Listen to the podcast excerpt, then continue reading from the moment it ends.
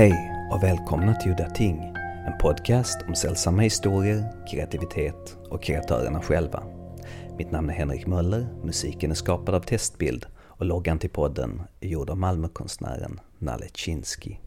Det här avsnittet ska handla om den italienske thriller, skräck och science fiction-skaparen Mario Bava.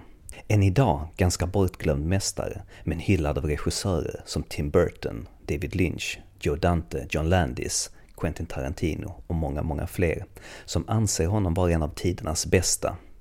Bava är målare som följde i sin fars fotspår som kameraman, special effects-fotografi, bland annat i Benito Mussolinis filmfabrik. Hans visuella stil var banbrytande för sin tid. Mycket stämning, färgad ljussättning, rök och skuggor, så förvandlade han mediokra filmmanus till något unikt. Dario Argento är definitivt en regissör som har blivit inspirerad av Bavas stil. Men Argento, alltid på blodigt allvar, så injicerade Bava ofta sina filmer med en bisarr svart humor, som tyvärr ibland gav resultatet att Bavas filmer stämplades som kalkonrullar. Humorn var alltid medveten, och de som jobbade med honom vittnar om en regissör med förkärlek för practical jokes, flams och trams, utan att det för den delen påverkade produktionens kvalitet. Tvärtom var den legendariska historien om när han filmade Danger Diabolik för en femtedel av den planerade budgeten och sedan lämnade tillbaka resterande pengarna till en chockad producent, Dino De Laurentiis. Det märkliga med de flesta av Bavas filmer är att jag har svårt att återberätta handlingen, lite som när jag läser Clark Ashton Smith. Det är någonting i handlingen som är så simpel, nästan icke-existerande, samtidigt som de extravaganta visuella scenerna tar all plats och lämnar en med en känsla, lite som när man besökt en bra konstutställning, snarare än en biograf. Med oss i vanlig ordning har vi den fantastiske filmvetaren Troy Howarth som har skrivit boken The Haunted World of Mario Bava. Which one was the first Bava film you ever saw? First Mario Bava film I ever saw was actually Baron Blood, um, which I think most people would agree isn't really one of his better movies, but it's uh, it's an entertaining one, and uh, it's I think a good example of how he could uh, take a kind of a time-worn story and something that maybe wasn't all that uh, you know extraordinary on the page and make it something quite good just through his uh, his mastery of the visual and the atmospheric and so forth. Um, I saw that film when I was very young. I was probably I don't know I was maybe around six or seven years old, and uh, my my mother had. Um, uh, been a big horror movie buff herself, and she used to record some of the late movies off of TV, and I would see them sometimes. And uh, I saw Baron Blood, and it um, I don't know, it just made an impression on me because there was something about it that seemed different. Uh, and of course, I had no idea at that time that it was a uh, that it was a foreign movie, for example. I mean, when you're that young, what what is your perception of the world? I mean, it's your world is as big as the backyard. So I, I had no idea that it was from another country and that had been. Uh, well, actually, I think it had actually been. Like many of them were filmed in English, and that one certainly was because Alfredo Leone was the producer on that, and was very insistent that those films be shot in in English. Um, but uh, in any event, there was something different about it that just really stood out from all the kind of Universal and Hammer movies that. Uh, uh, that I was accustomed to. Although in a way, uh, Baron Blood kind of felt a little bit like if what would have happened if Mario Bava had tried to do a film for Hammer. Um, it was that kind of uh, you know, a, a traditional storyline that wasn't necessarily breaking any new ground, but it was just the, the, way that he treated it that made it interesting. It does have maybe the best visuals of any Bava film as far as colors, light, smoke, deep camera perspective, and production design goes. It really benefited. Uh, Alfredo Leone, who produced the film, uh, saw to it that Bava had access to an actual castle. I can't remember the name of the castle, but it was an actual castle in Austria and in fact, it was one of the very few times that Bava actually left Italy to make a film. He was very much, he described himself as a homebody. Uh, he didn't like leaving Rome. He didn't like going outside of uh, his comfort zone. He, he liked being around where his family and his friends were and his usual collaborators. So uh, Alfredo Leone had found this, this castle in Austria and uh, talked Bava into doing the film. He initially said he wasn't going to make it because he, frankly, he didn't want to travel. Uh, but uh, Leone talked him into it and, and also gave him access to a very good cast. Um, it, there are some quite interesting people in Baron Blood. And um, uh, the, the the production values are really evident on camera, and you could give Bava a location like that, and he knew how to photograph it and how to frame it and make it look absolutely extraordinary. So, yeah, in terms of the color and the the texture and the ambiance, it really is definitely one of his uh, one of his most luscious looking movies. I would agree with that. So, what can be said about Bava, his upbringing, and his father, who was in the film business? Well, his father was one of the real pioneers in Italian silent cinema, uh, Eugenio Bava, and uh, he was a cameraman and a special effects artist. And uh, so Mario grew up basically in the midst of cinema production. I mean, really in the early days of, of filmmaking. He was born in 1914. So as a child growing up, he would go into his father's workshop a lot, and he was always fascinated seeing him uh, creating a lot of different um, special effects and a lot of different uh, uh, film equipment and technical equipment that he had in his uh, basically his sort of laboratory in the house, and uh, he used to pitch in and help out, and and he talked about how his father would uh, develop film in in the sink, you know, and, and they had to be careful because uh, with the chemicals that were used, you didn't want to get it into the spaghetti. Um, so, I mean, he really grew up in the midst of uh, hands-on craftsmanship side of filmmaking, and he was fascinated by it. And his father actually didn't really want him to go into filmmaking as well. He he felt it was too unpredictable a business and uh, was not very encouraging. As a matter of fact, his father didn't seem to be a terribly encouraging man altogether, from what I can tell. Uh, Bava was devoted to him, but but Eugenio was kind of a, a tough character and and very um, very sparing in praise. You know, he really uh, in one of his interviews, Bava talked about he was talking to his father at one point about how he liked to improvise and how he liked to uh, just sort of solve problems on the spot. And, and his father would say, "Well, you know, with an attitude like that, you're never going to be a Fellini or an Antonioni or anybody like that." So, he, he I don't think he really got a lot of um, validation from his father, although he he learned a lot from him. And as a matter of fact, he his father uh, contributed to some of his films, including Black Sunday, where he he actually uh, sculpted the mask, which is hammered onto Barbara Steele's face at the beginning of the film. But uh, Bava became fascinated with filmmaking. He was also interested in painting, and I've never had occasion, as far as I know, to actually see any of Bava's paintings that he did. But um, he reportedly was interested in possibly pursuing that as a career as well, but uh, decided that filmmaking was probably a little more practical. So he broke into films and started working. Um, for a long time, he actually did credits sequences. He designed credit sequences for for different films, and um, then gradually worked his way up the ladder as a as a cinematographer and a special effects artist. Um, and then, of course, as we know, as the uh, time wore on throughout the, the 50s in particular, uh, he found himself directing uh, a lot of films without credit, uh, basically films that had been uh, kind of abandoned by other filmmakers or, or films that needed a little bit of an extra push in order to get them finished on time. He was he was very very resourceful and very clever, and he knew how to solve seemingly insurmountable problems with very very simple means. So he was he was somebody that the producers always regarded as a great uh, asset and a great uh, money saver because you know he knew that he could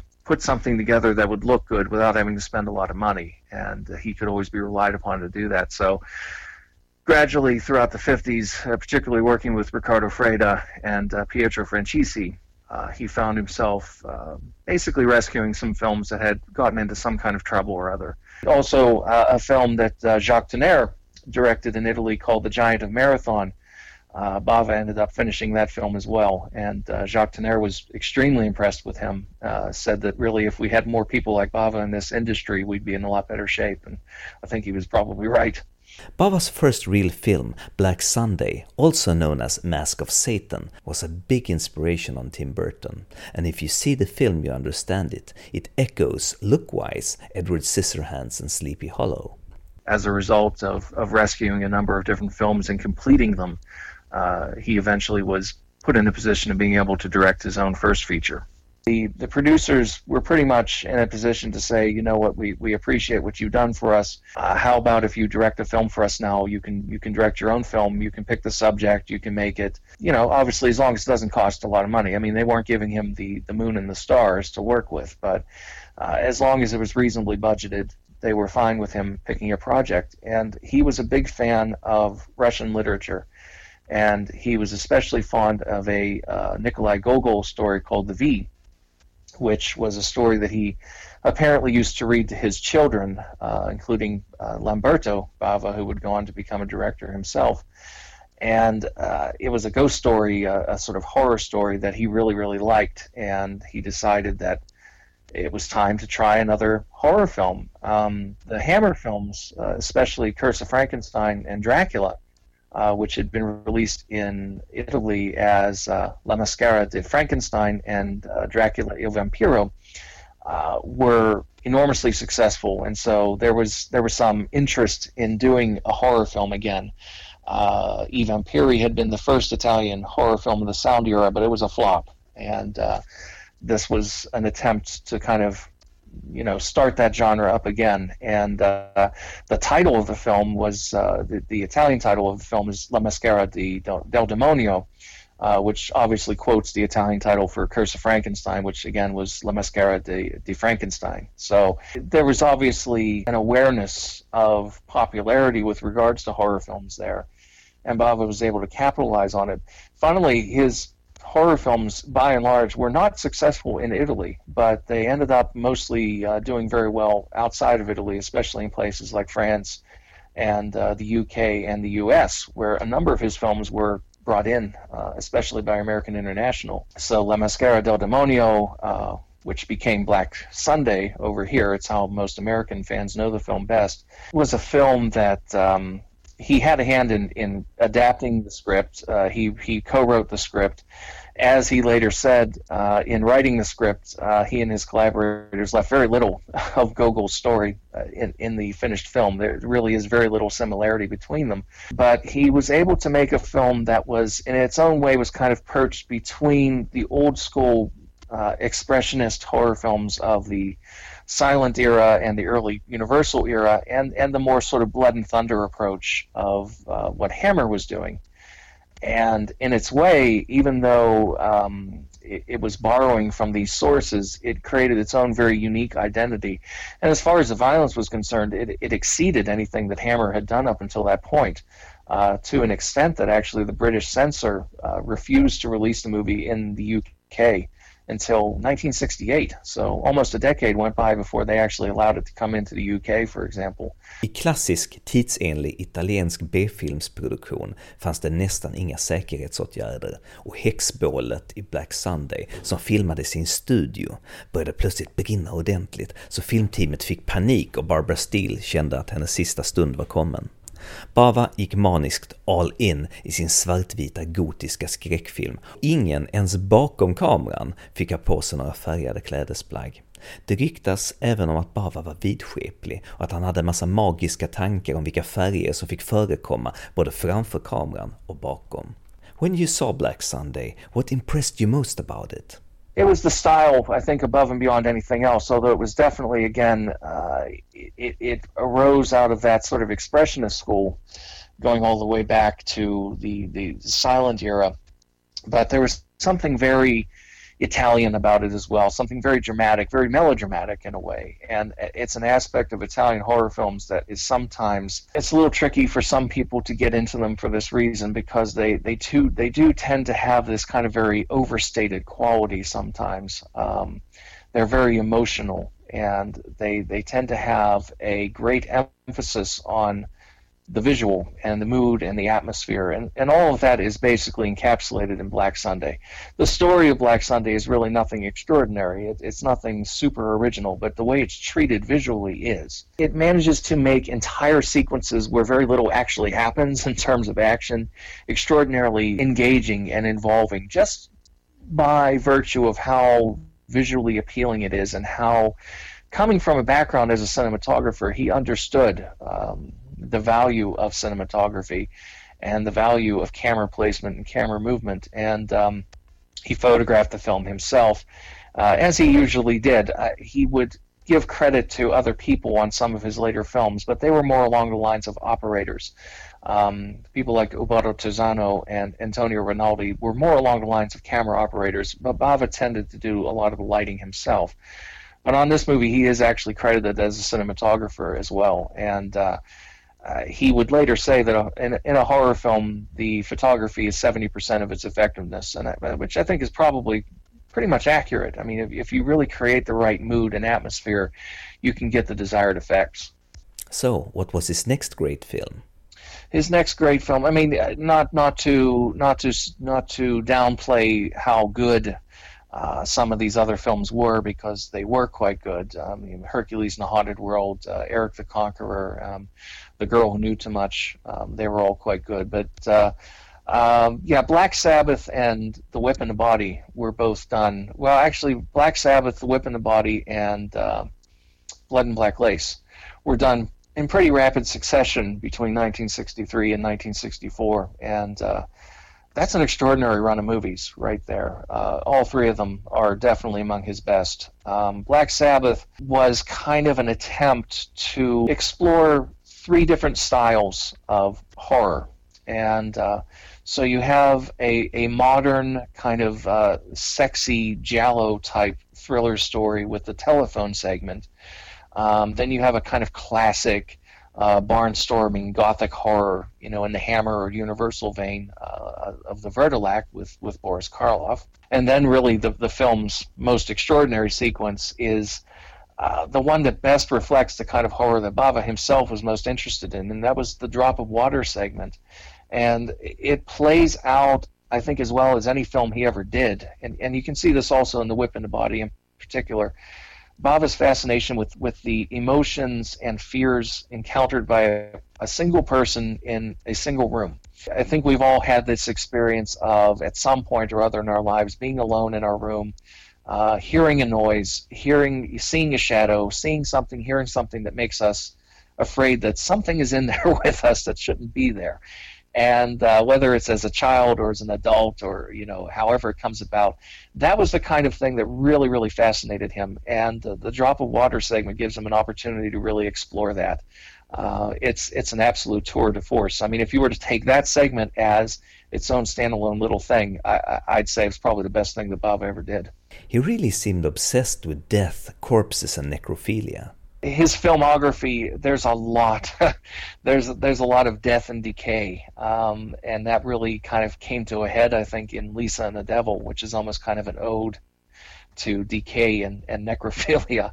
Um, it's not to say that Bava himself was was a necrophiliac or anything of the kind, but but he could see a certain kind of macabre poetry in this that was simultaneously kind of touching in a weird sort of way, but at the same time was also extremely disquieting and discomforting. Um, in the, the drop of water segment, you have this dead medium. And it's actually it's a woman in a mask, and the mask, if I remember correctly, was designed by Bava's father, Eugenio. So it's this wax frozen face, which has been criticized by some people as looking phony, and it doesn't bother me because I think it's incredibly creepy and frightening. I think it, the the images of the dead medium with her sort of frozen face approaching towards this uh, hysterical guilt. Uh, sort of uh, struck protagonist is, is as scary as anything uh, in in 60s horror, or really from any vintage. I mean, it's it's incredibly creepy. There is that sort of real uh, fascination with uh, images of of death and of the you know a, a possibility of another world. I mean, Bava himself was, by his own description, he was apparently raised Catholic, but he described himself as being closer to sort of pagan in many respects. Uh, he wasn't really necessarily terribly a religious man, but he was very superstitious.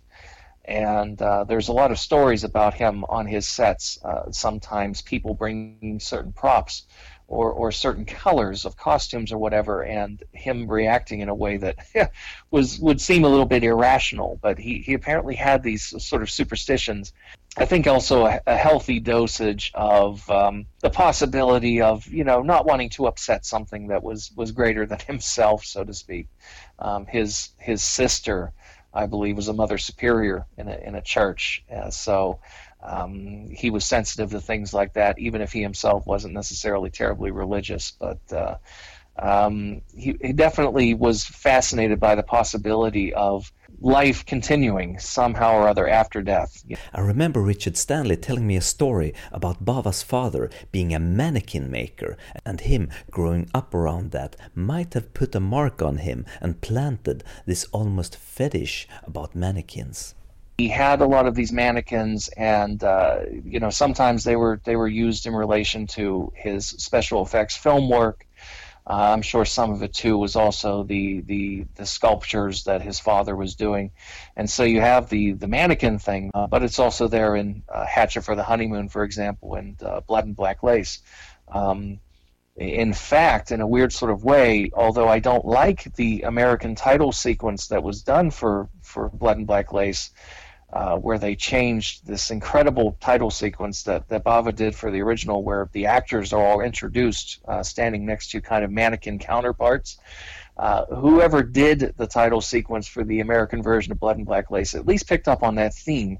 So you do get these uh, kind of animated mannequins uh, going on during the title sequence. So, in some funny sort of way, it was like they kind of understood then he made his first science fiction film with another off-putting title, Planet of the Vampires, a film that would later inspire Hollywood filmmakers. Uh, Planet of the Vampires is a great example of Bava taking the science fiction genre and giving it a very gothic uh, flavor. It's very different from the other kind of science fiction movies that were being made in Italy at that time. Um, Antonio Margheriti was seen as kind of Bava's rival in, in Italy at that time, in that he was also a special effects artist uh, with a big fetish for miniatures. Uh, Antonio Margheriti films are, are renowned for their, their scenes with miniatures. Bava used miniatures too on occasion, as in Caltiki, the Immortal Monster, but his specialty was more along the lines of uh, matte paintings and uh, really creating scenery out of um, very crude but very effective means. Uh, Antonio Margheriti's science fiction movies are not particularly atmospheric, but they're they're heavy on action, they're heavy on incident. Whereas Planet of the Vampires is kind of light on action and incident, but it's very very heavy on mood and atmosphere. And it's one of those films that I think deserves uh, to to be called slightly Lovecraftian, in, in that it does convey the sense of a a strange other world where there's some sort of unimaginable and and uh, impossible to visualize a horror or, or threat that's uh, that's uh, part of the landscape. In, in that film, they're basically they're shown only visually as kind of colored orbs, which are, are reflected uh, onto the film.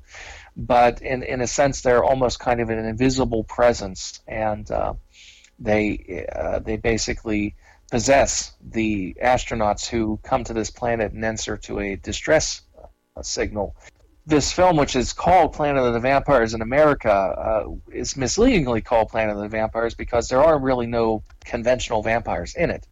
Um, I guess it would be more appropriate to call it, I don't know, Planet of the Zombies or Planet of the Dead or, or something like that. The original Italian title was uh, Terrore nello spazio, which, which translates as Terror Out of Space, which I think is a pretty good title and, and has a it has a little bit of a Lovecraft vibe to it itself. Kind of reminds me of the color out of space, but uh, it, it's it's a great example of what he could do with absolutely nothing. He had a bare soundstage at Cinecittà to create this environment, and uh, what he did was uh, utilize some some plastic and styrofoam rock formations and whatnot from an old Hercules movie through using trick photography and multiple exposures and everything else and lots of fog and lots of colored lights.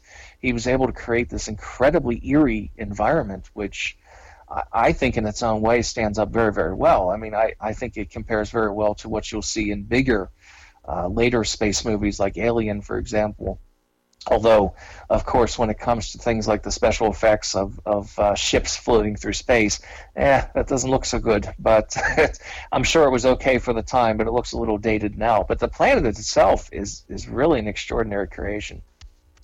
There is some story elements in Planet of the Vampires that inspired Alien. The heroes receive a distress call from a strange planet covered with fog, get stalled there because in O'Bannon's original script they get stalled in a storm on that planet.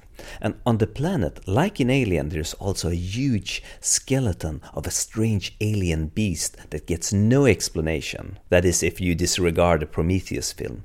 I'm sure Dan O'Bannon did. I I very much doubt that Ridley Scott ever saw it. Um, I don't get the impression that Ridley Scott would be sitting down to watch uh, AIP double features um, when he was a kid. I, so I kind of doubt that he saw it, but I, I'm convinced that Dan O'Bannon did because he was a big fan of, of horror and science fiction. So how would he have been able to resist a film called Planet of the Vampires? And he was probably aware of Mario Bava as well because Bava had achieved some some recognition in the American uh, kind of cult horror scene because of his uh, movies coming out here through American International. So, uh, yeah, there are definitely elements that influenced Alien. Uh, obviously, they were never credited, and I don't know if Bava himself was ever aware of that. I mean, obviously, he died the year after Alien came out. I'm not sure when Alien came out in Italian theaters if if he would have had a chance to see it or not, but. Um, of course, uh, there were other films that were very much influenced by him as well, but Alien's uh, a good example. Okay, let's jump right into Kill Baby Kill. Kill Baby Kill is undoubtedly one of his great films, and uh, I've seen it so many times down through the years um, in various copies that were just so faded and brown and uh, muddy and uh, I was absolutely thrilled. I recently watched the uh, the Koch uh, edition Blu-ray from Germany, um, and it was like seeing the movie for the first time. Uh, just in terms of really being able to appreciate that that artistry that's evident in the film uh, throughout, and the lighting and the color and everything else. It was kind of like seeing the Blood and Black Lace release that Arrow put out uh, a few years back, and and finally being able to see something that really showed the color and, and the texture the way that it was intended to be seen. So that was, I just saw that uh, disc just recently within the last, I don't know, within the last week, and it was uh, was a wonderful experience to finally see this film. Uh, the way it should be seen. I remember Richard Stanley telling me that this was his favorite Bava film. The film also has a strange, surreal moment that, that apparently impressed David Lynch very much, and when you see that scene, you understand why. When I think of the story, I usually forget it. What is it? Is it the story very simple or very complex? Well, uh, it's it's it tells of a small village, which is kind of vaguely defined, as is often the case in these movies. It's kind of set in a vaguely uh, fairy tale Never Never Land. Uh, it's it's identified as uh, Karmingen, uh, which sounds sort of German but it's it's hard to say where the film is actually meant to be set. I, have seen synopsis which describes the film as being set in Transylvania, for example. So I guess it's set wherever you want it to be set. And basically, it's a small village which is being beset by a series of unusual deaths that are all being ruled as suicide. Uh, a, a, coroner is called in to uh, investigate and uh, he discovers that the, the bodies are, are not only being uh, hurriedly buried, um, but also they always have um, a gold coin embedded in their hearts. And he discovers that this is a local superstition that this basically, by putting the gold coin in the heart, it'll keep the the, the bodies from rising from the dead and, and wreaking havoc. And basically, he uncovers this uh, this sort of collective paranoia and fear uh, which all stems from the death of a little girl many years before. And it turns out that, that, there is a plot whereby this, this girl's spirit has been brought back to uh, seek revenge on the on the village, uh, basically because she had been trampled to death and uh, left to bleed to death while everybody was partying and have a good time. So uh, it's it's a it's an interesting story. It's a good little story, but again, it's it's a supreme example of atmosphere and mood. And uh, also, what's interesting about it is the fact that Bava really turns a lot of expectations on on its head.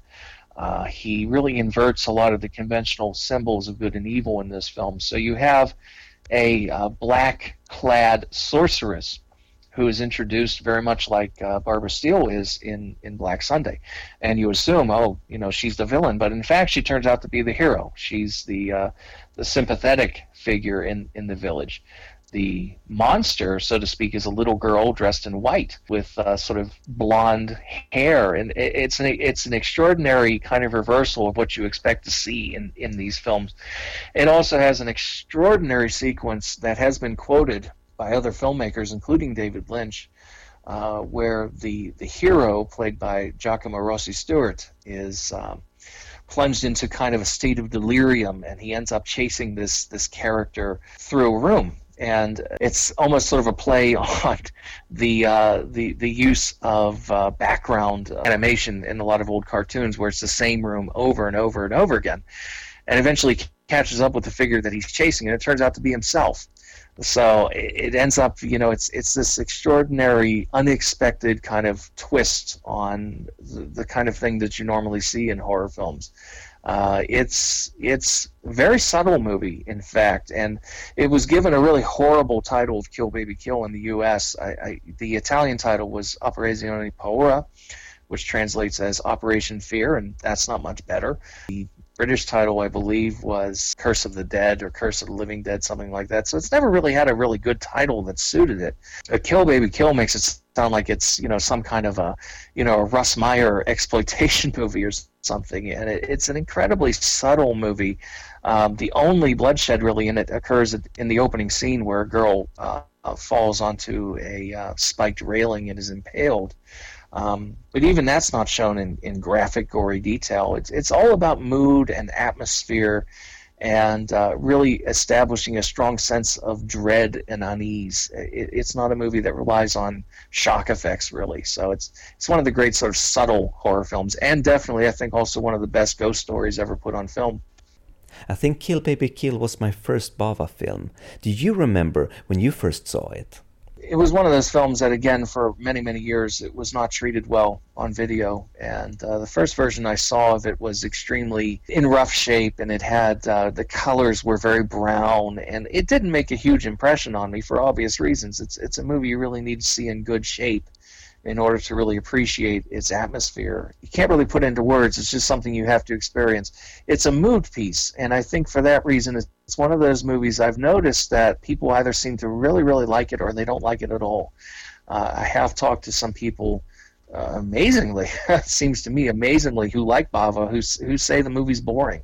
Um, I guess it would be. I mean, if you're not invested in it, there's it's true. There's not really a lot that happens on a certain level. It's not a movie that's loaded with action and, and, and so forth, but I, I think the mood and, and the atmosphere is so overwhelming and so overpowering. It just totally puts me under a spell um, right from the opening frames the whole way through to the end. Although I will say, I do think, um, and and I know that, um, that Tim Lucas alludes to this in his book on, on Bava, that there was probably uh, a bit of confusion about the ending because uh, I, I, suspect we know that the film ran out of money uh, very early on. As a matter of fact, um, even recently, I was talking with uh, the actress uh, Fabienne Dali, who plays uh, the sorceress Ruth online, and she told me the same thing that others have said about the film. She was never paid for it. Uh, Bava himself was never paid. Uh, basically, the, the producers uh, ran off with the money and the film was only finished through sheer goodwill because uh, everybody decided that you know it was a movie that was that was worth completing and, and not abandoning. Um, I think a more ambitious ending was probably originally planned with, with the spirits of the dead returning to get their revenge on the Baroness.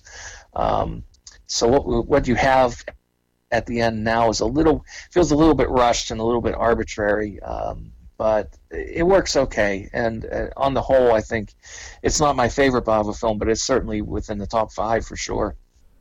Do you have a favorite scene in it? Scene where uh, Giacomo Rossi Stewart is is chasing, uh, base, effectively chasing himself uh, through through that room is is a great one. But I really love the scene where Giacomo Rossi Stewart and Erika Blanc are um, performing the autopsy on Irina Hollander and outside, uh, intercut with this, we're being introduced basically to the ghost.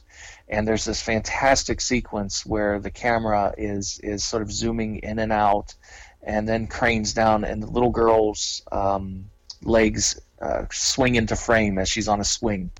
And it's in this misty, dark, uh, very colorful graveyard, and this this ghostly figure just swings into frame on a swing. Uh, that always just gives me goose pimples every time I see it. Kill Baby Kill apparently did better at the Italian box office than a lot of his other horror films had done. That kind of movie was pretty much on its way out, and everybody knew it. A film that's kind of in the mix there that we didn't discuss, and, and for good reason because it's not a good film. It's one of the very few bad films he ever did was a, a movie called uh, Dr. Goldfoot and the Girl Bombs, which, in fairness, the original Italian version, if you ever get a chance to see the Italian version, is a very different film, and that's the movie that Bava actually supervised and, and finished and completed. The American version uh, was was dubbed and rescored and re-edited without his participation, and it's it's, it's awful. But that film was made right, I think, right before Kill Baby Kill. Uh, was amazingly the most successful film he ever made in Italy. And the reason for that was that it was uh, it was a vehicle. It was promoted in the U.S. as a vehicle for Vincent Price, but in Italy it was sold as a Franco and Ciccio movie. Now, if you know Franco and Ciccio, um, they were a Sicilian uh, comedy duo who um, made over 100 movies in the space of like 10 years or so. I mean, they, they had an extraordinary run of success, but their movies don't seem to translate very well to non-Italian audiences. Um, but they they made that movie into a big hit, and I think Bava saw that as an opportunity to well maybe it's time to get away from the castles and the crypts and let's let's try something a little bit more modern, and um, you know maybe hopefully I can start making movies that actually people want to see. The, the Gothic period was kind of ending. That that type of movie was pretty much going. Uh, out the door. There weren't really a lot of Gothic horror films made in Italy after 1966, quite frankly. Sen gjorde Bava Danger Diabolik, baserad på en populär tecknad serietidning, Diabolik, skapad av systrarna Angela och Luciana Gusani. Systrarna hade noterat att många pendlare läste thriller och mysteriepocket på lokaltrafiken och därför kläckte de idén om en serietidning i pocketformat på samma tema och antihjälten Diabolik föddes 1962. Värt att notera var tidens anda en bitterhet hos det italienska folket, därav denna antisuperhjälte som skiter i det mesta, tar från de rika och ger till sig själv, knullar storbystade blondiner i säng fylld av pengar. Det känns lite grann som att Italien snarare än USA var det landet som var tvungen att producera filmen om det skulle nu bli en film överhuvudtaget. Diabolic was kind of a, a perfect uh, venue for him to transition into something that was uh, more modern, but also a bigger film. And, and it was far and away the biggest film he ever directed. Um, it was produced by Dino De Laurentiis, and it was uh, it was conceived as a big project. Uh, it was being made back to back with Barbarella, and these were both films based off of, of popular uh, sort of uh, fumetti, uh, sort of adult comic strips that were um, very, very popular and, and tended to have a more adult slant. So there was a lot of sex, a lot of violence, and so forth. Diabolik was actually one of the more violent Fumetti comics, and uh, he found himself in a position of making this film, but being told by De Laurentiis that he wanted it to be a more mainstream film, so leave the violence out, which obviously troubled him he found some ways around that. There is some violence in the film, but it, it certainly isn't as brutal as some of his uh, other horror films had been or would be after that. There is this famous story about Bava making Diabolik for a fifth of the estimated budget. Uh, he was given, I don't know if this is um, somewhat apocryphal or not. I mean, sometimes when budgets are talked about, uh, producers are prone to you know, enlarging things to make it sound better than it was. But he was reportedly given a budget of about, uh, I think, three million dollars, which in 1967 terms was was pretty large, certainly a lot larger than anything he had had before. And he ended up making the film for only about, I think, around four hundred thousand dollars. And um, obviously, Dino De Laurentiis was overjoyed and. Uh, said, "Hey, you've got all this money left over. Why don't you make a sequel?" But Bava hated making the film so much because he wasn't accustomed to working for a producer like De Laurentiis, who was very hands-on and very involved, and and was always checking on things and always, um, you know, being a busybody. Uh, he he didn't like that. He wanted to get back to making low-budget movies, so he said, "No, Diabolik's dead. I'm not making I'm not making another one."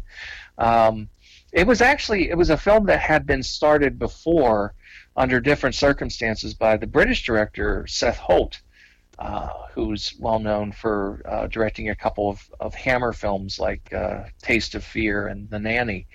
Um, it was to have starred Jean Sorel and I believe Elsa Martinelli uh, in the lead roles. And uh, that project kind of broke down and, and uh, stopped, and uh, the footage was scrapped and, and it was never finished. I think that was back around 1965.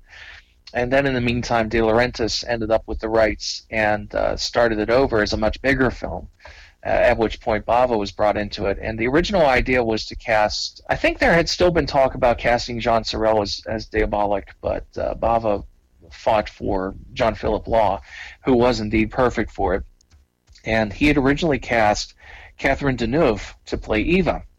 And apparently, uh, Bava was well known for being a very quiet, low key kind of a guy. He, he was not a, um, a difficult man to get along with and uh, he was very easygoing with his actors, but he did expect them to be professional. So Catherine Deneuve, although she knew that uh, she was to do a scene where she was to make love with uh, Diabolik in a pile full of money, and it was done in such a way that it was very tasteful. You actually uh, couldn't see anything. It, it, there was no actual nudity that you would see on screen. She refused to do the scene.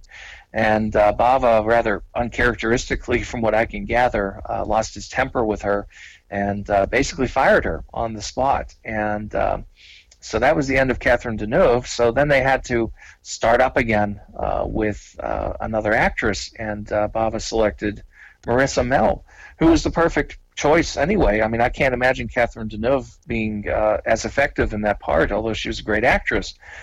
I don't think that she would have had quite that same uh, sexy quality and, and that same wonderful chemistry that uh, Marisa Mell had with, with John Philip Law. So um, there again, a movie that you know even with uh, the problems of starting with another actress and having to go back and reshoot, uh, he brought it in very very much under budget, um, all just from using his usual methods of uh, you know uh, instead of building huge sets, he could create things through miniatures and, and matte paintings and things like that. And uh, yeah, it's an extraordinary thing. You don't very often hear about directors bringing movies in, you know, massively under budget. It's usually the opposite. Although it is in a way a comic book superhero, and even by today's standards, pretty out there. You can't really call it a superhero movie, can you? It's more of a supervillain movie uh, Diabolik's all about just um, killing and, and stealing just for the hell of it. you know, um, it's it's a very wicked and amoral film, which is of course very consistent with Bava's uh, attitude in general. Um, he was not a, a, moralistic filmmaker. In other words, he he would just tend to sort of show these characters for what they were without really sort of um, passing moral judgments on them. As a comic strip adaptation, whatever you want to call it, I think it's about the best of its kind. And uh, Ennio Morricone contributes his only score for a Bava film, uh, and it's a great one. Uh, it's one, definitely one of his best scores, and um, it's it's just wonderfully entertaining. It's it may be arguably a little overlong. It, it runs probably 15 minutes longer than the average Bava film. It might have benefited from being cut down just a little, but on the whole, I think it is a film with tremendous uh, energy and tremendous drive and just a great sense of humor. Really showed that there was more to Bava than just uh, moody, atmospheric horror movies. Next, according to me, a pretty lame film. I don't know if do we have anything to say about Five Dollars for an August Moon? Uh, I have I have lots to say on Five Dollars an August Moon. Um, that was a film that uh, Bava basically was always saying that he could not he, he was not in a position to be able to turn down projects when they were offered to him. Um, we know that's really not true. That there were different films that uh, he didn't do for one reason or another, but he had signed an agreement to do uh, a couple of films for this production company. This was a case of a film that was originally supposed to be directed by somebody else. I forget who the theory is as to who was to direct it. I don't think we know for sure, but there's been some theories advanced as to who was going to direct it. I, I forget who it was, though. It wasn't anybody well known. And uh, basically, this director had had bailed at the last second. The movie had already been cast. It, it, was already written. It was already pretty much ready to go. Bava said that he was called on a Friday and and was obliged for shooting the following day. Um, he hated the script and he actually ad libbed a lot of the movie. Um, he he said about uh, how the the script was just a, a wretched version of Ten Little Indians, which is pretty much true. And so he decided to have some fun with it. He basically improvised this very deliberately idiosyncratic and very strange movie that goes against all expectations. If you go into a Giallo expecting a certain kind of a movie, uh, this one really leaves you disappointed, I'm sure, because all the killings kind of take place off off camera. There's really no blood. Um, the characters are deliberately unsympathetic, and it's done in this very very pop art style. There's a lot of zooms in that film, and, and Bava was criticized sometimes for overusing the zoom. Um, I think he used it very well, uh, but he, he he is using it a lot here. It's kind of like a Jess Franco movie a little bit, but I think it's a very interesting movie. Uh, it, I think it's gorgeous looking for one thing, and, and for another, has an extraordinary score by Piero Umiliani, uh, which is really just one of those soundtracks. Once you get it into your head, it, it stays with you for days. Um, I think it's a fun movie. I, I, I, I, do think that there are problems with it, and I think you can kind of tell that he approached the movie with a, a little bit of contempt. But I, I think it's a good example of what a really good director could do with a bad script. Um, had this movie been directed by like an Antonio Margheriti or somebody like that, um, I don't think anybody would care about it. But but the movie has is some really special, I think, brilliant moments. Thanks pretty much to Bava. Then came Hatchet for the honeymoon.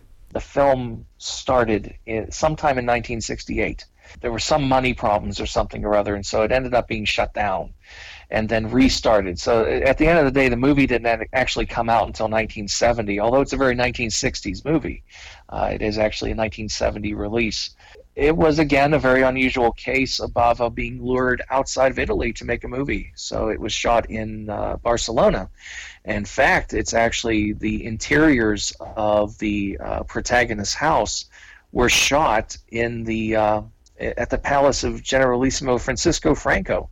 And Bava always told the story about the movie being so um, uh, tame with regards to blood because they were filming in this place and there were guards around, and uh, if he would have gotten blood on the carpets, he probably would have been executed. So I don't know if that's true or not, but it's a funny story. It kind of continues the. Um, the fashion house theme of Blood and Black Lace, but also plays a little bit like a Giallo version of a Buñuel film called, if I remember correctly, it's called The Criminal Life of Archibald de la Cruz and uh, you know deals with this kind of a bluebeard kind of a of character this this man who has this psychological block with regards to something that happened to him in his childhood and he has some pretty serious sexual hangups. And uh, he gets his gratification from basically killing uh, virginal brides in, in their wedding gowns. It's more it's a dark comedy in many respects. It's it's I think very a witty movie, very funny in parts.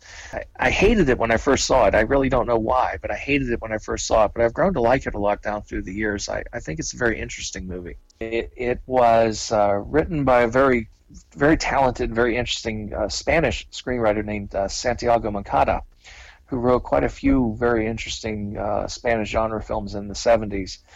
And um, the story goes that uh, Bava took the script and uh, decided to emphasize aspects that weren't entirely present in the original script. He really brought in, apparently, if the stories are true, he really brought in the whole fractured marriage angle uh, with regards to the uh, the killer and his wife, um, who basically hate each other and uh, are, are, pretty much only married uh, you know, out of convenience. It could be, it's it's been said that there's a little bit of not necessarily autobiography in that, but there was a little touch of something personal about that in, the sense that Bava's own marriage was not entirely happy.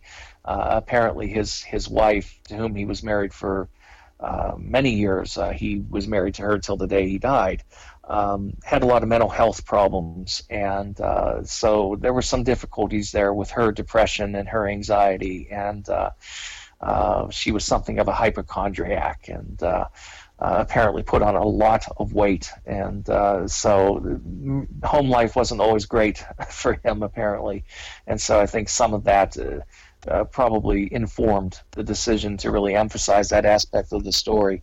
Uh, it's a giallo in a sense, but at the same time, it's a very unorthodox one uh, because you know who the killer is right from the get-go. So it's not so much a whodunit as a uh, why did he do it. His next film would become his most influential, inspiring the whole slasher genre that would explode ten years later.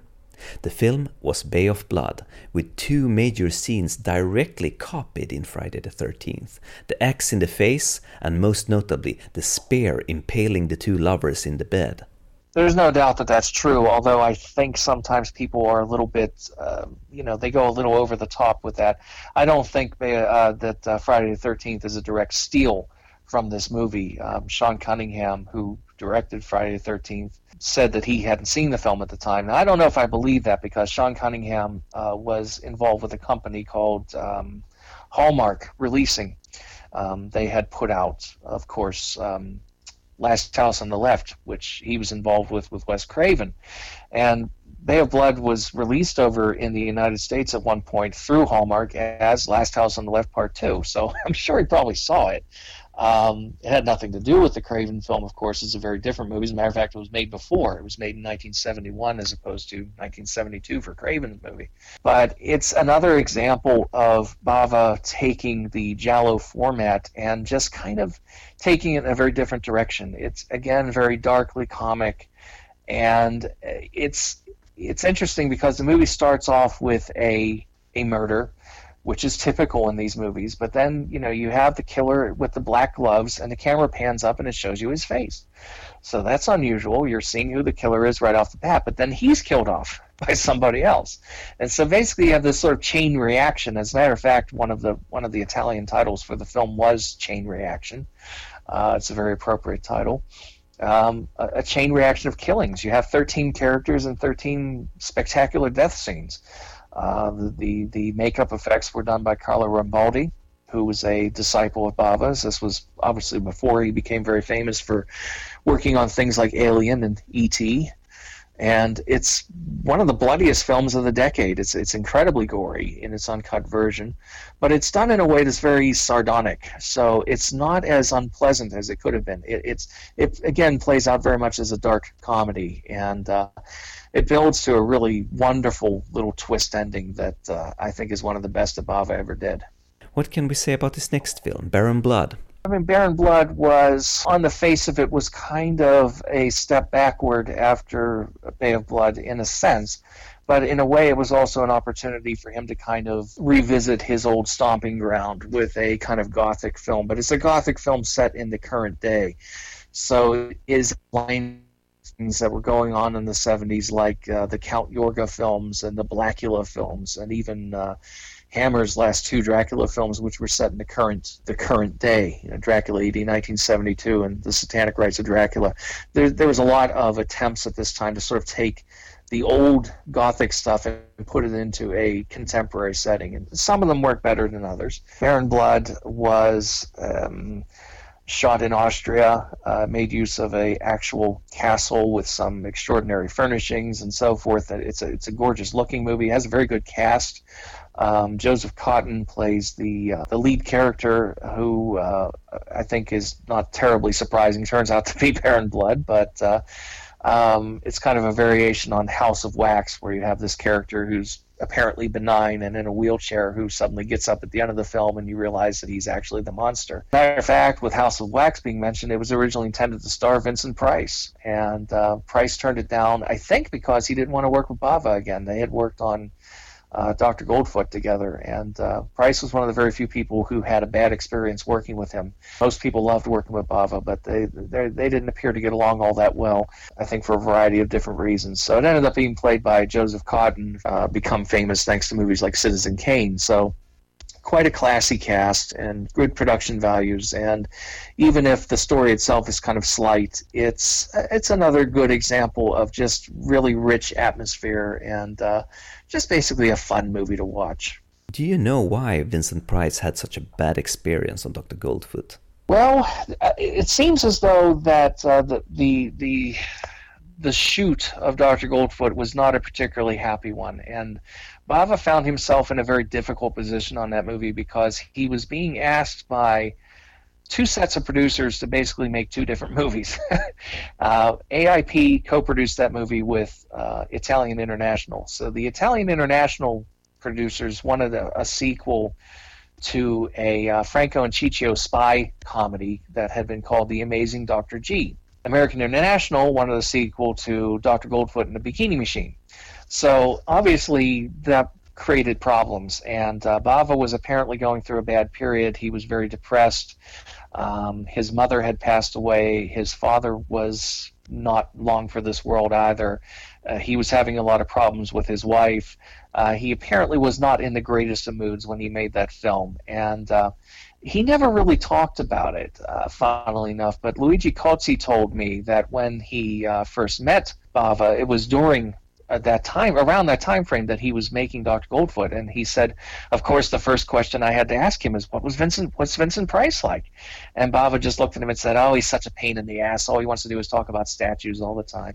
So they didn't get along. I, I don't know. It's very unusual because Bava seemed to get along with just about everybody, but. Uh, because Dr. Goldfoot turned out to be such a bad film in America, and that probably is the only way that Vincent Price ever saw it, um, he would later say, I don't know what happened to Bava on that film because uh, Christopher Lee had told me he was great. Boris Karloff said he was the best director he ever worked with.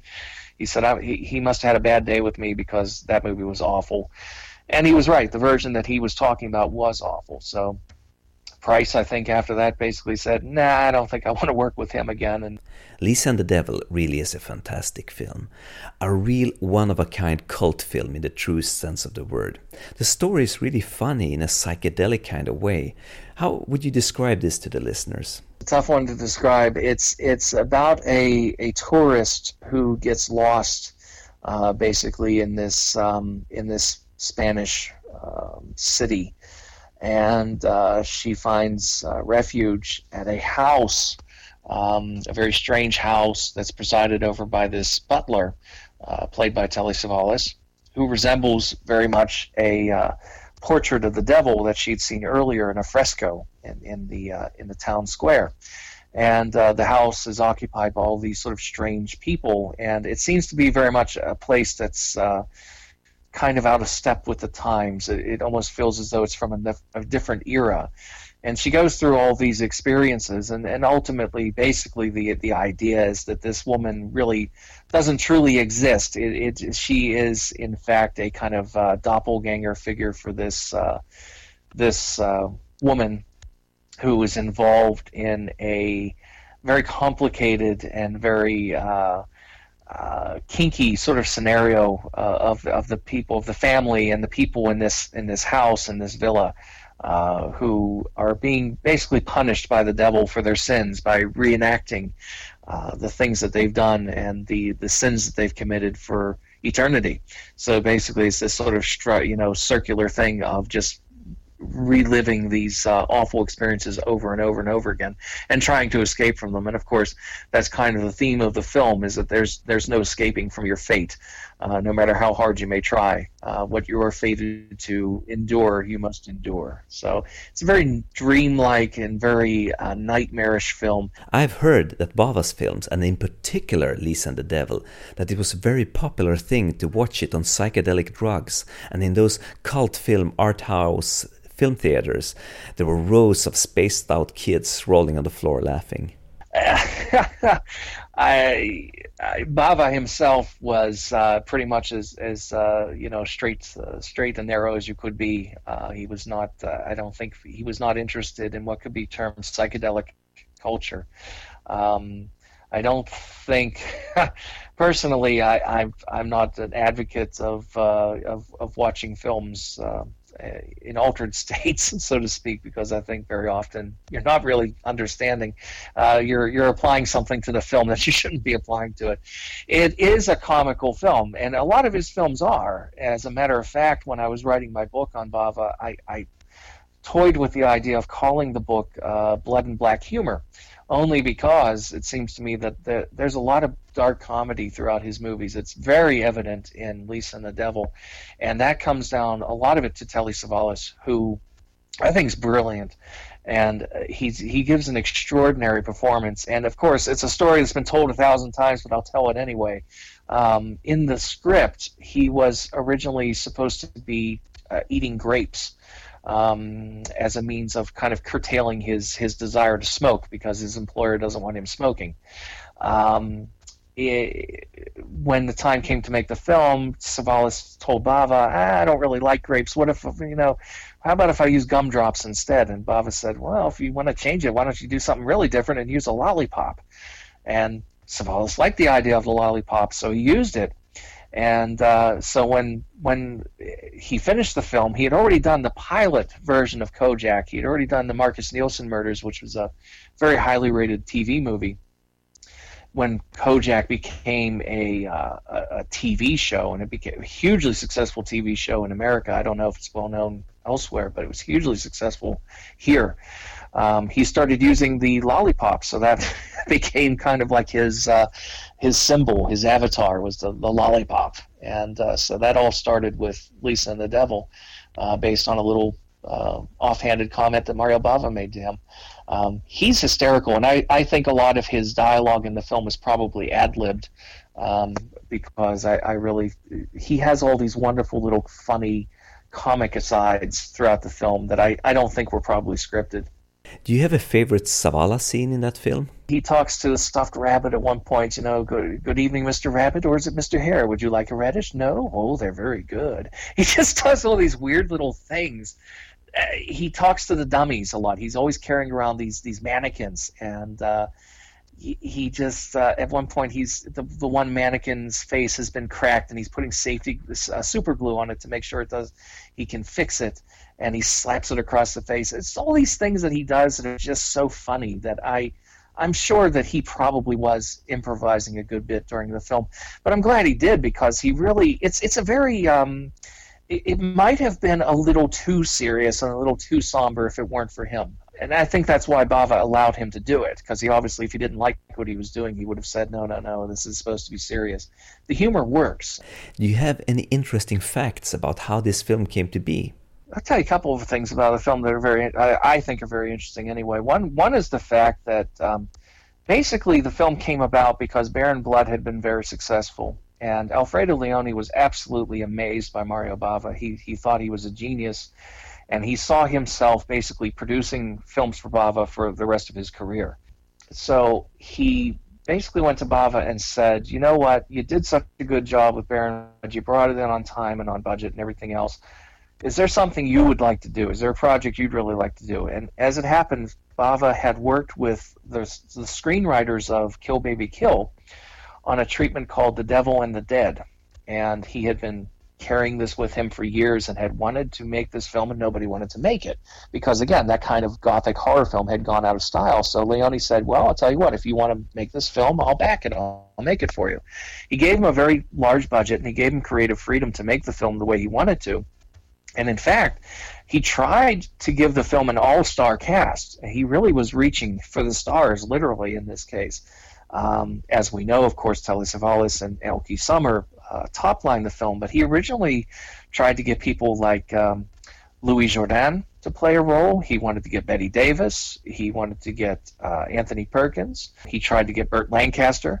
So you can imagine that, you know, it was quite a unusual experience for an Italian horror film uh, to to even try for people like this. They, they didn't end up getting them, but the point is, at least they tried. So obviously, the movie had uh, a, a, bigger budget than usual. At one point during the filming, Sam Arkoff from American International who had released a lot of Bava's films in the U.S., went to Alfredo Leone and said, "I'll buy this movie from you for whatever number of, of dollars. You know, I'll buy it for America." And uh, Leone thought he had like an Oscar-winning movie on his hands. He thought he was making this this movie that was just going to take the art house by storm. And he said, "No, no, no, I want twice as much as what you want." And Arkoff said no, and so that was that. Uh, flash forward later, he took the film to the Cannes Film Festival in 1973 uh, out of competition. It wasn't competing, but it was showing there to prospective um, distributors and, and so forth. And uh, basically, nobody wanted it. Nobody understood what the movie was all about. They didn't get the uh, they didn't get the combination of kind of the uh, art house aspects and the uh, the horror aspects. It was, it was one of those movies that was a little too art house for the grindhouse, and it was too grindhouse for the art house. So uh, basically, nobody was interested in distributing it.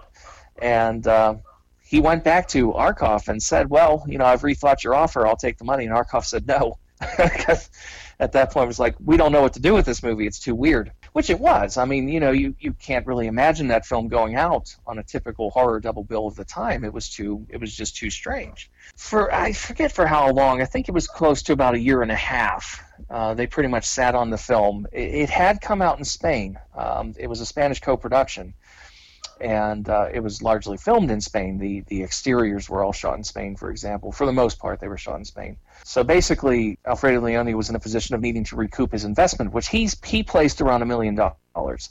He might be uh, kind of padding the budget a little bit there. I'm not sure, but he always maintained it was a million dollars. And so uh, there was a need to recoup his investment. He, he went to Bava and said, you know, look, I'm sorry, I gave you the time and the money and the freedom to do what you wanted, but nobody wants it. You know, we got to fix this. So he's he had actually, at some point during the pre-production of Lisa and the Devil, he had sent, uh, or no, actually, it would have been, it would have been after the film was finished. I think during that time where they were, you know, uh, trying to figure out what to do with the film, he had sent Bava over to I think England to see The Exorcist, where it was playing and it was doing know, tremendous business. And Bava came back and said, "Well, it's a good film, but I don't, you know, this has nothing to do with what we did. I'm not, you know, this, this they're very different movies." Not realizing, of course, that was exactly what the film was going to become, and and it was Leone's idea that you know, Exorcist is big, Exorcist ripoffs are big, so let's make uh, let's make Lisa and the Devil into an exorcism movie, and so the House of Exorcism was born, and uh, what a radically different film that was. So, how did this masterpiece, Lisa and the Devil, get turned into the piece of crap named The House of Exorcism? Bava agreed to participate up to a point because he was friends with Leone. Um, however, their friendship became strained over this and also over another project called Rabid Dogs, or became Rabbit Dogs, and they had a falling out. So he agreed and he participated up to a point, um, shooting some added scenes with Robert Alda as a uh, a priest who's very much in the uh, Jason Miller uh, self-doubting priest from The Exorcist mold. Uh, although he's also kind of an older character as well, so he's also kind of evoking Max von Sydow. So it's kind of a two for one special uh, in a certain sense. Elke Sommer was brought back to do these scenes where she is uh, in a hospital room, vomiting pea soup and vomiting frogs and saying uh, blasphemous dialogue and, and swearing and everything else. Bava was very uncomfortable with a lot of this stuff, and as a matter of fact, um, Elke Sommer said that he would come up to her before the take sometime and say, "Don't, don't say those lines, don't say that. that that's terrible. Don't say those words. Say something else."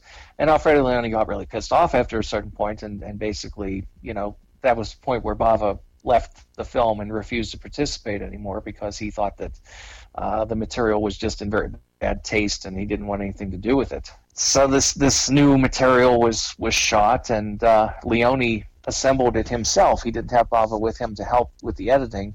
It made a lot of money. It was hugely successful, and it, it did exactly what Alfredo Leone needed it to do. So, I guess there's something to be said for that. Then we have a film that I thought was pretty crappy, Rabid Dogs. Well, I would disagree. It's a terrible movie. I think it's a fantastic film. Uh, I think it's one of his best, as a matter of fact. Um, I definitely think it's one of his greatest films. Well, I guess I was disappointed because it was not a Bava film. Content-wise, it's more like a seedier Lucio Fulci or Joe D'Amato film. You really couldn't tell that it was Bava who made that film. Oh, I think I, I no, I think you can, but it's done. It's it was a, it was a deliberate attempt to reinvent himself. Obviously, after an experience of a movie like Lisa and the Devil, which was so sort of old fashioned, uh, he realized that he needed to reinvent himself as a more modern kind of filmmaker and do something that was a little bit more in line with what uh, audiences were interested in. And, and those kind of crime films and polizieschi were very popular. So uh, that was a deliberate attempt to to change it. I, I think you can see him. I, I, think you can definitely see his his style in in the compositions and uh, in in a variety of different camera movements and so forth. But it is it's a very different type of movie. I mean, it's not the usual kind of lush, um, very style conscious movie. It's it's much grittier. To me, I think it's one of his best films. But it definitely well, it ended up being a tragic experience altogether for a whole variety of different reasons. And obviously, he didn't live to see it completed anyway. Rabid Dogs is the story of a gang of mean, sadistic bank robbers who take a woman, a man, and a sick son hostage while trying to escape from the police. I remember it was pretty seedy in a bad way, but the final twist in which the father is revealed to be a bad guy redeems quite a lot. I don't know, maybe I should be fair and give this film another chance. So, how did this very unlikely Bava film come into existence? Complicated story. Basically, he had read this story um, in an Ellery Queen magazine called, um, I think it was called A Man and a Boy. And, you know, by this point, he, he realizes that he needs to do something. If he wants to continue to make films, he has to somehow stay relevant. Uh, he has to make something that people actually want to see. So he'd read this story, this crime story, and thought it was fantastic, and uh, went to Alfredo Leone and asked him to buy the rights. And um, Leone at this point was basically gearing up, wanting to put Bava under a contract. And he had drawn up a contract uh, whereby he was going to put Bava under exclusive contract to him for, I don't know how many years. But basically, he was going to produce Bava's films exclusively. He was going to be his producer. A business associate of Leone's was in on some of this stuff and was aware of the fact that Bava wanted to make a different type of movie, a crime movie, a, a realistic movie, and was aware of the fact that Leone was was wanting to do that with him, but wanting to put him under a contract. So he basically screwed Leone. no other way to put it. He screwed Leone. He he went out and bought the rights to the story himself. Right at the time where Leone was getting ready to buy the rights and draw up all the paperwork and everything else, he went out and stole the rights. Bava found out about this, and of course he was very conflicted. He was like, "Well, I mean, Leone's my friend, and and I don't want to hurt him, but at the same time, I really want to make this movie." I think he felt that if he made this movie and it turned out well and it was successful, it could really re-energize his career and keep him going. Because by this, this point, he's pushing sixty um, you know, he's he's at a point where he's really kind of looking at his own mortality. And of course, he didn't realize he had less than ten years to live. Uh, you know, he he died rather young, unfortunately. But uh, I think he really thought that, you know, if I have to, if I if I'm going to keep relevant at all, I need to make something that has a chance of connecting with an audience. He thought that was going to be Rabid Dogs, what became known as Rabid Dogs anyway. It wasn't called that at that time so basically, out of sheer desperation, he agreed to go with this other guy to make the movie. Well, when Leone was told of this, he was livid. Um, he was very pissed off, and, and understandably so. And there was a lot of bad feelings there for a long time. Leone basically said, you know, if I had produced the film, I would have done it in a way that it would have uh, had international appeal. He would have, he said he would have cast somebody like uh, Martin Balsam or Ernest Borgnine in, in the lead role, of the driver. Well, I don't. I guess people listening to this probably realize, you know, have seen the film, but you know, he isn't everything that he seems to be. Let's put it that way. And he probably, based on the previous two films, would have had uh, Elke Sommer as the kidnap victim. I think that's a safe assumption. Basically, would have had actors who had some international value.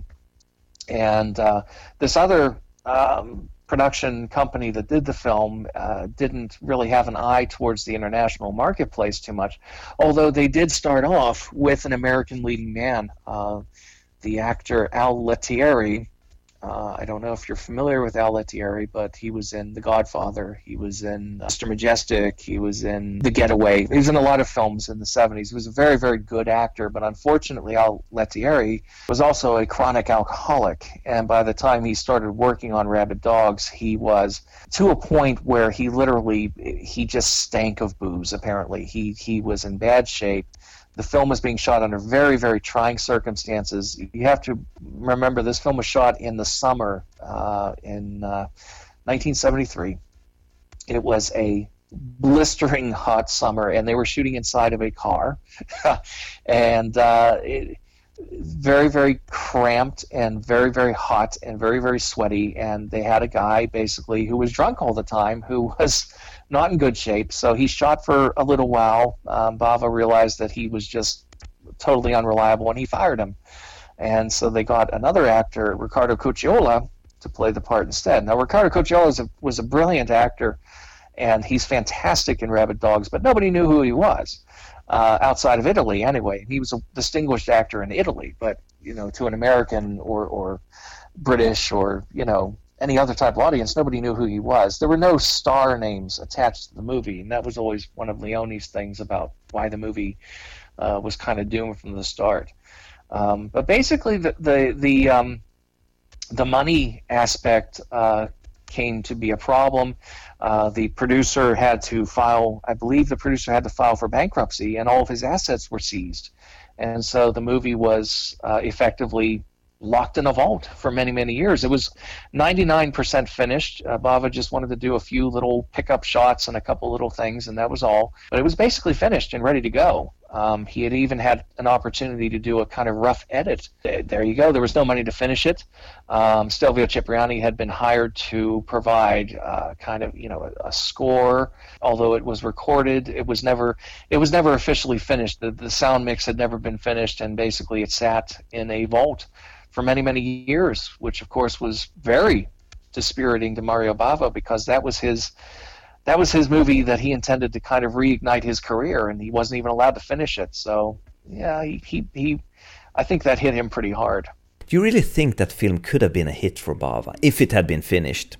It would have been interesting, and it could have um, if it had been marketed well and if it had been received well. It, it, could have taken him down a very different path. You might have seen him doing a lot of sort of Poliziotteschi type films. Uh, we'll never know because his one attempt at it didn't come out it didn't do what he wanted. I mean, you know, you have to bear in mind this is coming right on top of Lisa and the Devil basically not getting a release. And then after that, he has to go in and do these god awful scenes with Robert Alda for the House of Exorcism. He didn't direct anything for a while. I mean, he was pretty quiet for a couple years after that. And I think he really was, his, his spirit was kind of broken by all of that. Uh, I think he saw himself as basically being pretty much washed up. Then we have Shock, which sadly became his last film. It's not a worthy last film. I think Shock's a pretty good film. It actually has some very good scares in it. Again, you can see there that he's he's sticking to a more realistic approach uh, stylistically. It's not as lush as his earlier films. I think on that film he was kind of doing a little bit of what Riccardo Freda had done earlier with him on Caltiki, which is to say, at this point he was very concerned about his son Lamberto becoming a director. He was afraid that Lamberto was just content to be an assistant, and uh, he wanted him to start directing films of his own while he was still, you know, a young man and had an opportunity to kind of make a name for himself in a way that he felt that he had not done himself. Uh, so he directed some scenes of the film, uh, and he entrusted other scenes to his son, and. Uh, that continued with his next and final feature, which was a TV movie called uh, uh, The Venus of Ille, which was uh, shot on 16 millimeter for Italian television the year after. And there again, uh, Bava directed some scenes himself and entrusted other scenes to his son. They both starred uh, Daria Nicolodi, of course, who was uh, uh, by this time well known for her associations with Dario Argento. I don't know how Venus of went over on Italian television. I don't know if it caught much attention or not. It unfortunately it's not available officially on video, although there are copies of it floating around with uh, English subtitles. It's a lovely little movie, and uh, it has some interesting kind of connections to uh, Black Sunday, which makes it. it's interesting that it wasn't intended to be his last film, but it kind of deals with similar themes and, and has some similar images. So it's it's kind of a satisfying uh, finale uh, to his directing career on that level. It's it almost feels like he came full circle in a way. But um, I don't know how it went over. I mean, it was made for TV, so I, I mean, it wouldn't have really gotten a, a, a ton of attention. Shock, uh, unfortunately, was exported to the U.S. Uh, marketplace as Beyond the Door Part Two, which is a ridiculous title. And the only reason they did that was because little boy who's in Shock had been in Beyond the Door, which was the um, uh, rather poor but very very profitable uh, Exorcist ripoff with uh, Richard Johnson and uh, Juliet Mills. from I think 1974. So it, it, just happened to have the same little boy in the cast, so they called it Beyond the Door Part Two, even though it had nothing to do with it. Um, I don't think it was particularly successful. Again, most of Bava's films in Italy really weren't very successful anyway, so that was kind of par for the course. He, he certainly was never taken very seriously by the critics in Italy. As a matter of fact, two of the only people who wrote enthusiastically about Bava's films during that period, uh, you know, before they became filmmakers themselves, in fact, were Luigi Cozzi and Dario Argento. Did he have any other projects in the making when he died? Gearing up to do a science fiction film, I believe it was called Animalia. It gets a little complicated. I can't recall because he was he was involved with several different science fiction projects at the end of his life. Um, one of them was reportedly going to be produced by Roger Corman. Um, I don't recall which one specifically he was gearing up to make. I, I know that Dardano Sacchetti wrote one of them. Dardano Sacchetti, of course, wrote a number of Lucio Fulci's best known uh, horror films. He was gearing up to make a film that um, was going to be in the science fiction genre. And uh, he, in fact, as a, you know, in order to get the clearance to do this film, he had to have a physical. And uh, he went in and he had his physical, and uh, he was found to be in perfect health. But then a couple of days later, he was gone. He was a heavy smoker. He was a workaholic. He looked a lot older than he really was. If you see the pictures of him, particularly after Rabid Dogs, it's like the experience of Rabid Dogs and Lisa and the Devil really aged him prematurely. Um, Martin Scorsese apparently met him in the uh, 1970s, late 1970s, and he thought he was in his 80s, uh, but he was he was only 65 when he died. So he he had worked himself very very hard down through the years. He was a workaholic. He didn't like sitting still. Again, uh, he wasn't particularly happy at home in some respects. It sounds as though his marriage wasn't a very happy one. So sometimes when things aren't good at home, you want to keep yourself busy somewhere else. So he was always working. Even Daria Nicolodi commented on how uh, he showed up at her house not long before he died and uh, was complaining about uh, he needs to quit smoking. You know, he's he's starting to get cramps in his feet and, and all this different stuff. And you know, she was very attached to him and, and, and really loved him a lot and uh, took his took his death very very hard. Apparently, again, 65. He, he was short of his 66th birthday. He would have turned 66 that year in 1980, but. Uh, within a, a, a, relatively short period of time in 1980, you had three major kind of horror suspense uh, genre filmmakers dying. Um, Mario Bava, Alfred Hitchcock, and Terence Fisher. Uh, all three of them died during that year, so that was a was a pretty bad year. Och med de här orden så var det slut för den här gången. Mitt namn är Henrik Möller, musiken är skapad av Testbild. Hej då!